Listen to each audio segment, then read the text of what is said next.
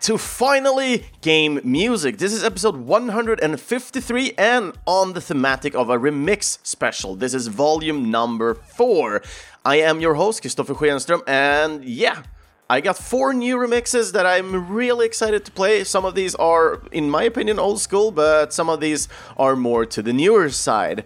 So when it comes to remixes, one thing that kind of stands out is yes, they are remixing the original sound of well, the original song itself.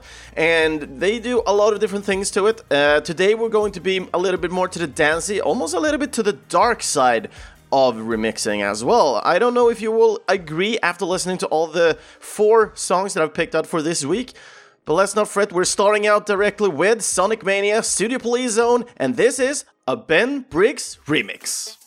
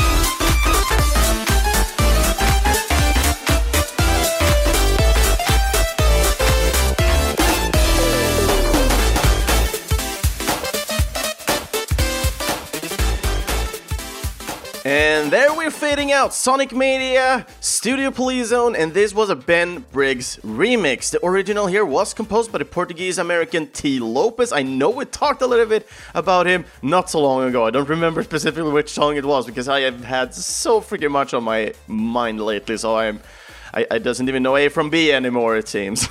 or I feel like it at least. Well, but this was a remix made by the American Benjamin Briggs, and he's a full time musician, entertainer, and DJ. And he's best known for remixing video game music, and is well, also a co founder of the label Tiny Waves, which is some kind of a re- video game remix kind of label. They have a little bit of other original work as well. And looking at the game Sonic Mania here, the game was developed by the American Headcannon and the international PagodaWest Games, and this studio has people a little bit all over here and there, so it's Portland, Oregon, and London they are based in. The game it was released on the 15th of August 2017, and the game was released for Switch, PlayStation 4, PC, and Xbox One. And when it comes to Sonic Mania, Sonic Mania has been free, uh, like a PSN free monthly uh, game, and this is the reason why I have played this. I have been interested in Sonic uh, Mania because I've heard so much good about it. So I was thinking about buying it, but I really never came around. First of all, I'm a little bit skeptical always when it comes to Sonic games.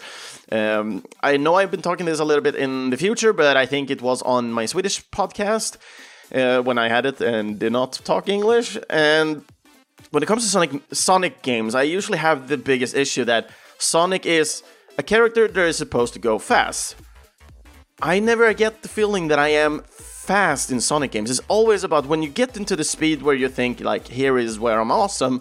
You're always hitting a wall, an enemy, or well anything that kind of stops you from having that great feeling.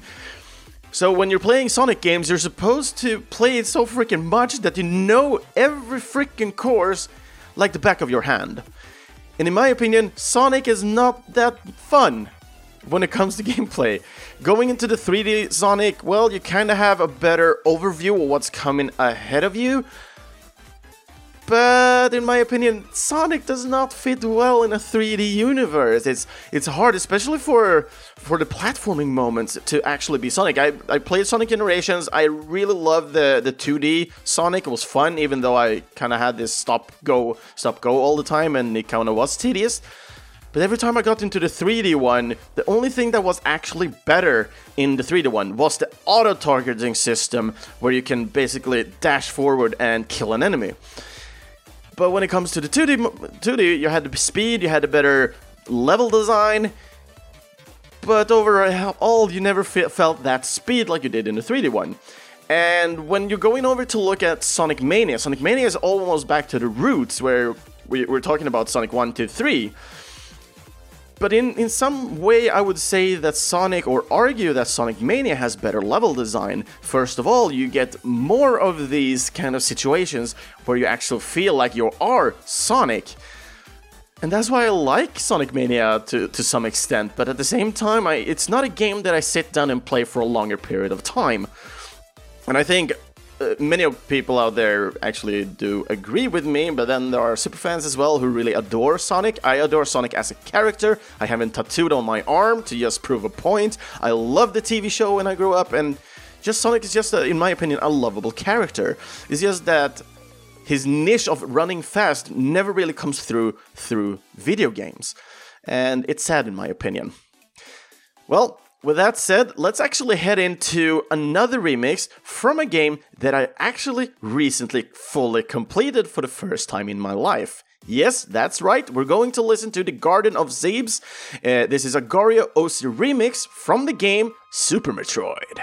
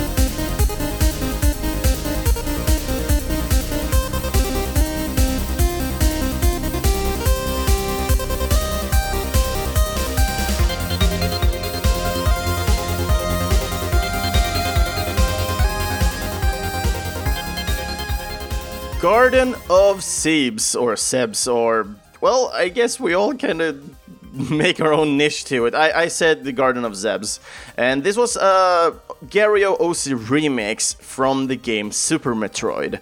And yeah, first of all, uh, let's go a little bit into the OC remix. It's, the full name is Overclocked Remix, and this is a full community filled with uh, engaging people that make remixes of video game music, and it's a huge website. Every song on this is also for free. Some of these tracks or fully albums are even available on Spotify, so I highly recommend everybody to check these out. And if you want this song specifically, you can go down and download it as well and listen to it on uh, your devices wherever you want to listen to it, basically. You can even like burn CD-ROMs or something like that and just distribute them everywhere with OC Remix music. Just just have fun, you know. but anyway, when it comes to the original soundtrack here, it was actually composed by the Japanese Kenji Yamamoto and Mina eh, Minako Hamano. Uh, and the remix here was created by the American Greg Norse, or Gario as his nickname is online. Gario is a math teacher, a music theorist, and electrical engineer. And when it comes to the Super Metroid game here, it was developed by the Japanese Nintendo affiliated company Intelligent Systems together with Nintendo Research and Development Studio, or Section Number One. And looking at the Intelligent Systems, they were also a greater part, so they're almost like in Nintendo, from what I understand, except they kind of still were uh, like a branch of it. The game it was released in 1994 worldwide on the Super Nintendo. Of course, there's a little bit difference with the different dates. So usually, usually it's always Japanese first, and then US, and then Europe. And the game it has also been ported to Wii, Wii U, uh, 3DS, and Switch. Well, it's not really a port per se, so I was lying a little bit there. This is actually just the ROM being distributed on their eShops, so that's more like it. but uh, it's way more easy to say ported, but let's actually be be real but when it comes to Super Metroid, this is a game I played when I was younger. I never really completed because it's a long game. And I never owned Super Metroid myself, but I did borrow it sometimes from a friend. But I never really played it that much because when I was younger, I usually just hang out with my friends instead of playing video games that much. Even though we kind of did play a lot of games, but we were always at home at somebody, or we were outside playing, or we were home at my place. But usually when we were at my place, we usually played on the PC, not the, the console that I had. Well, it only was Super Nintendo and PlayStation 1 for a really short while. but when I got the PS1, I actually was already so deep into PC, I didn't really care that much, and I didn't really have that many games for my PlayStation 1 anyway. But looking at Super Metroid here, uh, I actually own the big box version. I'm super happy and stoked by that one, so thank you so much, Angry Andy, for selling it to me. I know you're listening, at least sometimes, but thank you very much. I'm super happy and super stoked to have it. Uh, it uh, the big box also came along with the guide, and it was actually a little bit helpful. Uh, because I was a little bit unsure. Most of the game, I would say about 70% of the game, I kind of knew like the back of my hand. I know, knew some of the secrets and I knew where to go and so on. But then later in the end, when I come to the sunken ship and so on within this game, it became a little bit harder for me. And this was a great place to use uh, the guide for. It didn't really point out, go here, do this, do that. Um, but it kind of gave, gave me good glimpses of what to do next, at least. So it was still a super exciting exploring the world, and I kind of understand now way more that how the Super Metroid or Metroidvania games kind of work. I had a good glimpse before what they were, but actually not being able to play through uh, a Metroid game to that extent it's kind of hard to actually grasp the whole concept. I played like Axiom Verge and stuff like that before, and Actually, Metroid did it better when it come to it. Uh, looking at Axiom Verge is more of an homage to it, and in my opinion, that game was way too long for its own good. It was still a good game, but it was way too long, and I actually got tired of the game and was almost at the point to actually quitting the game. But looking at the distance and uh, time it took for me to play through Super Metroid, I actually did it in one sitting. Uh, well, no, I did it in two sittings in total. I actually had some food in between, so kinda it's. But yeah, during one day I played through it. I had a great time. It took me about five out five and a half hours to play it through, and I just had a great time just running around with with, uh, with Samus. It was it was just super great. It was fun. But yeah, th- th- this was actually like a good revenge game for me because I played it so many times when I was younger or backseating it so many times that it was actually, it felt really good actually taking up my time to complete this game for once. And it is a great game. First of all, when it comes to the atmospheric soundtrack, and you can definitely see this within this OC remix as well. It has so much um, atmosphere uh, to it. And when it comes to the, the special sound that Gario used for this one, I don't know about you guys if you remember, but the 20XX soundtrack by Cities Fires, I don't know why, but this remix really reminds me of that soundtrack and i just love it so this is actually one of my latest uh, like finds that i really did enjoy I, am pretty sure i've listened to this before but i never really never really got stuck into the tune uh, to the extent that I re- actually want to re-listen to it over and over again. Like th- this is on my just to listen to and vibe to list at the moment, and I just really do enjoy it. And yeah, that, that is kind of it what I can tell you guys about Super Metroid. I don't want to get get into super specific into stuff, what I liked and disliked about the game or stuff. It doesn't feel relevant to the music itself, but just when it comes to Super Metroid, super atmospheric music, kinda dark, you feel the loneliness in the game itself when you're listening to the soundtrack that comes along. And when you're meeting the boss battles, you're getting super excited as well, because the adrenaline that pumps out, and usually the bosses are pretty big considering on the size of Samus in this game. So I really do enjoy the kind of Colossus battle versus the hero, in this case, the bounty hunter Samus. But with that said, let's actually go to a more atmospheric one. This is more of an original song together with a mix of the music from the game itself. So they kind of did their own thing, putting vocals into it, and they did a really great remix. So we're going to listen to Wisex and Tricky Wii discuss and sing about the Destiny Bonds, and this is a Lavender Town mix.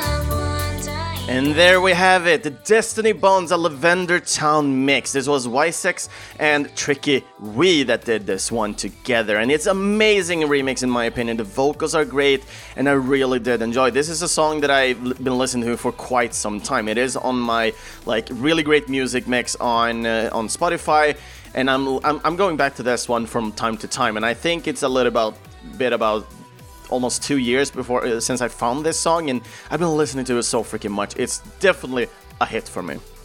So looking at this song, and we're definitely looking at the melody here, not the, the lyrics and everything that came came with it from Tricky Wii here. Uh, the song here was composed by the Japanese uh, Yuichi Masuda. Uh, and this was a song that was presented in the first generation of Pokemon. That would be Pokemon Red, Blue, or Green in Japan, so it's not blue there and yellow. And it, it is also prominent in other games as well, where you can actually go to Lavender Town. Lavender Town is kind of the ghost town with a lot of graveyards and everything going on, so there's a lot of ghost Pokemon. And therefore, we have this more of a strong, kind of viable feeling when we're moving around here, and especially have this over overall overhanging, so to speak. Um, ghost like pressure going on. It's really spooky, in my opinion. So looking at the remix here, was co-created between the music producer and arranger DJ Wisex from Chile and also collaboration with the VTuber Tricky Wii. And this was a 20 year anniversary release where uh, Wisex uh, did arrange the music while Tricky Wii was doing the singing. And this was the 20 year anniversary of Pokemon, of course, so nothing else over that. So we have that solved. but when it comes to me and Pokemon, I don't really have super much uh, kind of connection to it. First of all, what I kind of like to listen to this one is due to the fact that I'm actually playing Pokemon Go. And I did play a little bit of Pokemon Red, but not since I never owned a Game Boy myself. I never played on my own kind of cartridge. I usually played on friends' cartridges and ended up messing up their whole Pokedex because in this game you have these Moonstones and you only get a limited amount of them, and you basically need to utilize all these Moonstones on five different Pokemons. If I remember, it's five stones that you get. And I was like, oh, I know you can uh, upgrade uh, Jigglypuff with this one. And you, I upgraded out, evolved that one. I didn't really pay attention. I definitely was an asshole at that point in time because I should have definitely just asked, oh, is it okay if I evolve? No, I just go ahead and evolved one to be like the super cool guy who knew a lot of stuff. Except the person I did this for got pissed, of course because he was way better on Pokemon than I was, of course, because I owned the freaking game.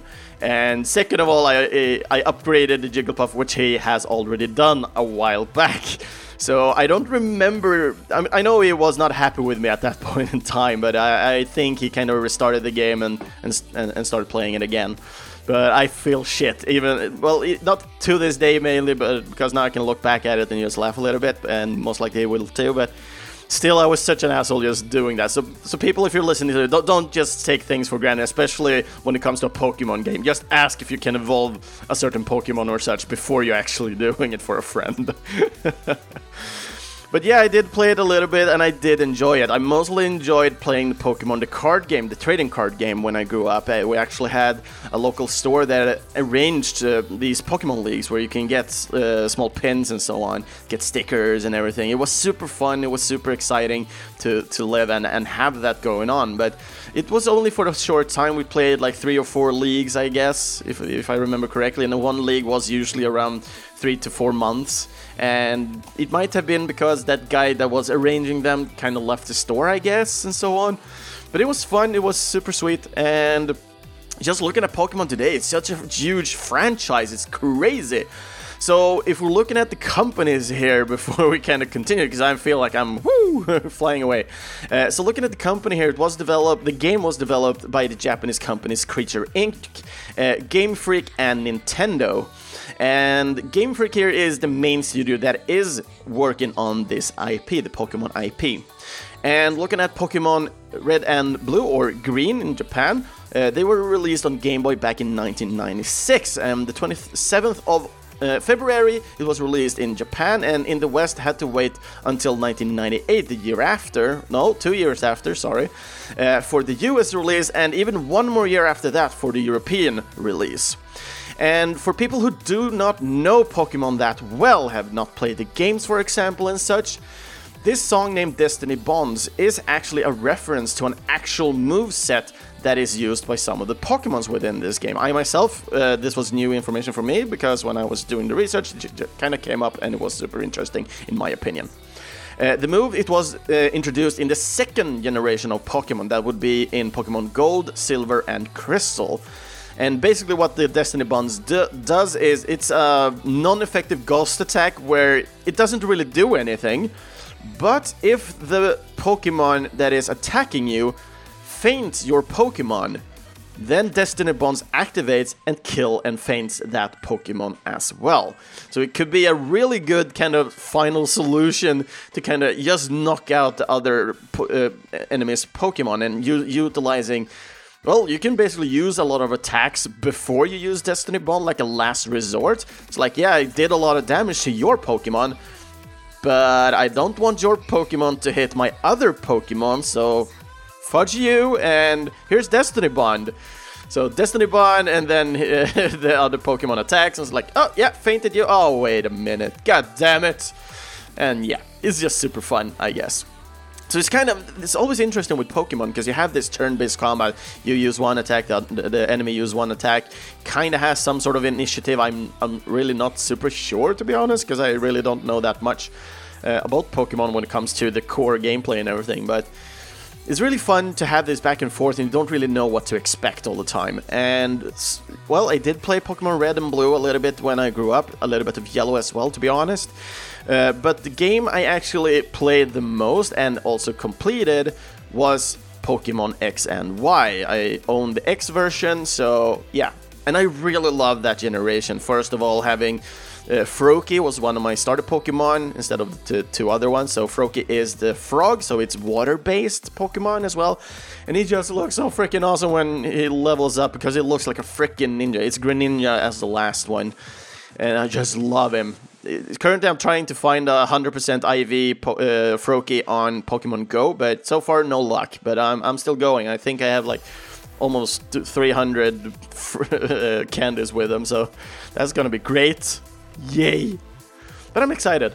And I hope you guys did enjoy the Destiny Bond. It's more of an original song in my opinion, because I don't really get that much feeling of a game per se when I'm listening to it. But when you do know that it comes from from Pokemon and especially the Lavender Town uh, as the melody, and it really adds flavor to it. Uh, Tricky Wii is really great on the singing part. It really adds more spookiness, in my opinion, to the voice she kind of stems. And uh, she does even uh, stream as well, and she, she just sounds like a super sweet person, in my opinion, from from what I know of her streams as well. I, I'm not a regular follower or anything, I just watched a little bit to see what the hell she was doing. But it was super interesting nonetheless. And going with y- Y6 is also super interesting. A lot of great uh, remixes on that guy as well. So I highly recommend you guys to check him out. But with that said, I think I've been babbling on enough for quite some time now because I feel time is coming and going. I really want to go with one favorite like soundtrack of mine. And I, I wanted to add this flavor of the remixes. This is a total new remix for me. I just wanted something from teenage mutant ninja turtles turtles in time. Sewer surfing the 80s synth remix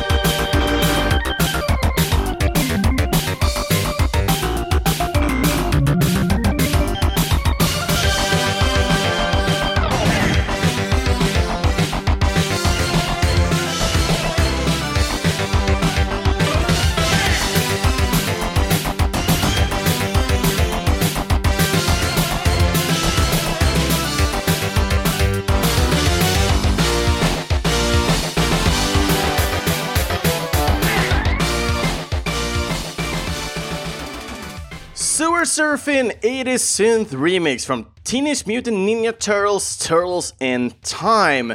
And yeah, maybe this was a little bit because it's not the usual like 80s synth remix that we are used to because they are usually more mellow.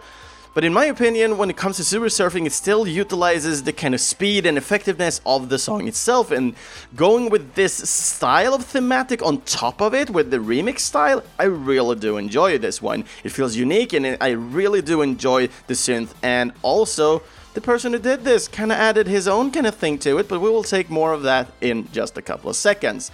So, looking at the original composition here, it is made by the Japanese Mutsuhiko Izumi, and the remix was done by My New Soundtrack, or by his real name, Luis Cease, who is from Chile.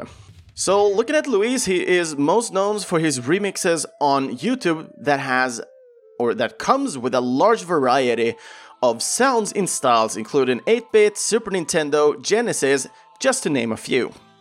Looking at the game here, it was developed by the Japanese studio Konami and was released on the arcade back in March 1991 and then ported to the Super Nintendo in 1992. This game does also come with alternative versions on the Genesis slash Mega Drive depending on where you live. And the name of that game is known as the Hyperstone Heist in the US or the Return of Shredder in Japan. And in this version, instead of going through time and space and everything, the turtles are basically shrink down into like a bottle or something, or by the the Hyperstein stone, and then from there, the, everything is going to shit, and everything is just mixed and mashed, like yeah, like the turtles in time, where they travel in time. But yeah, other than that, the game did also get a remake named Turtles in Time Reshelled. So it's Teenage Mutant Ninja Turtles Turtles in Time Reshelled. And this game was released back in 2009, and this was a release both for the P- PlayStation 3 and the Xbox 360. Both of them were downloadable exclusive.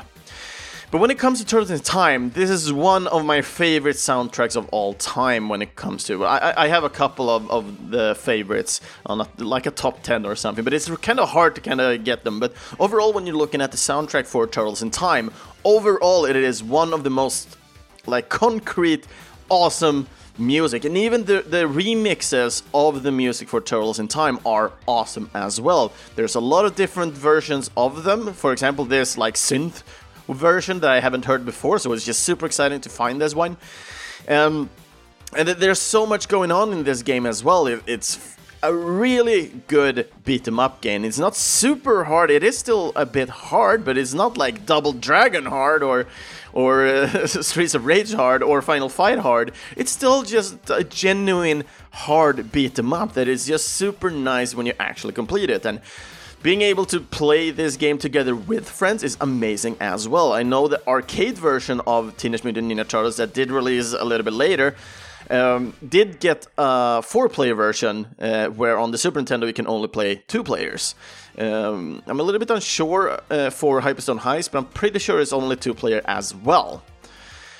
Great games, however, great music, and this was the four tracks that I had for this week, and I hope you did enjoy this one because I sure hell I did. I had a really hard time figuring out which songs I wanted, and I, I hope I got a little bit high, a little bit low with the creepy ones as well, but still really good music in my opinion.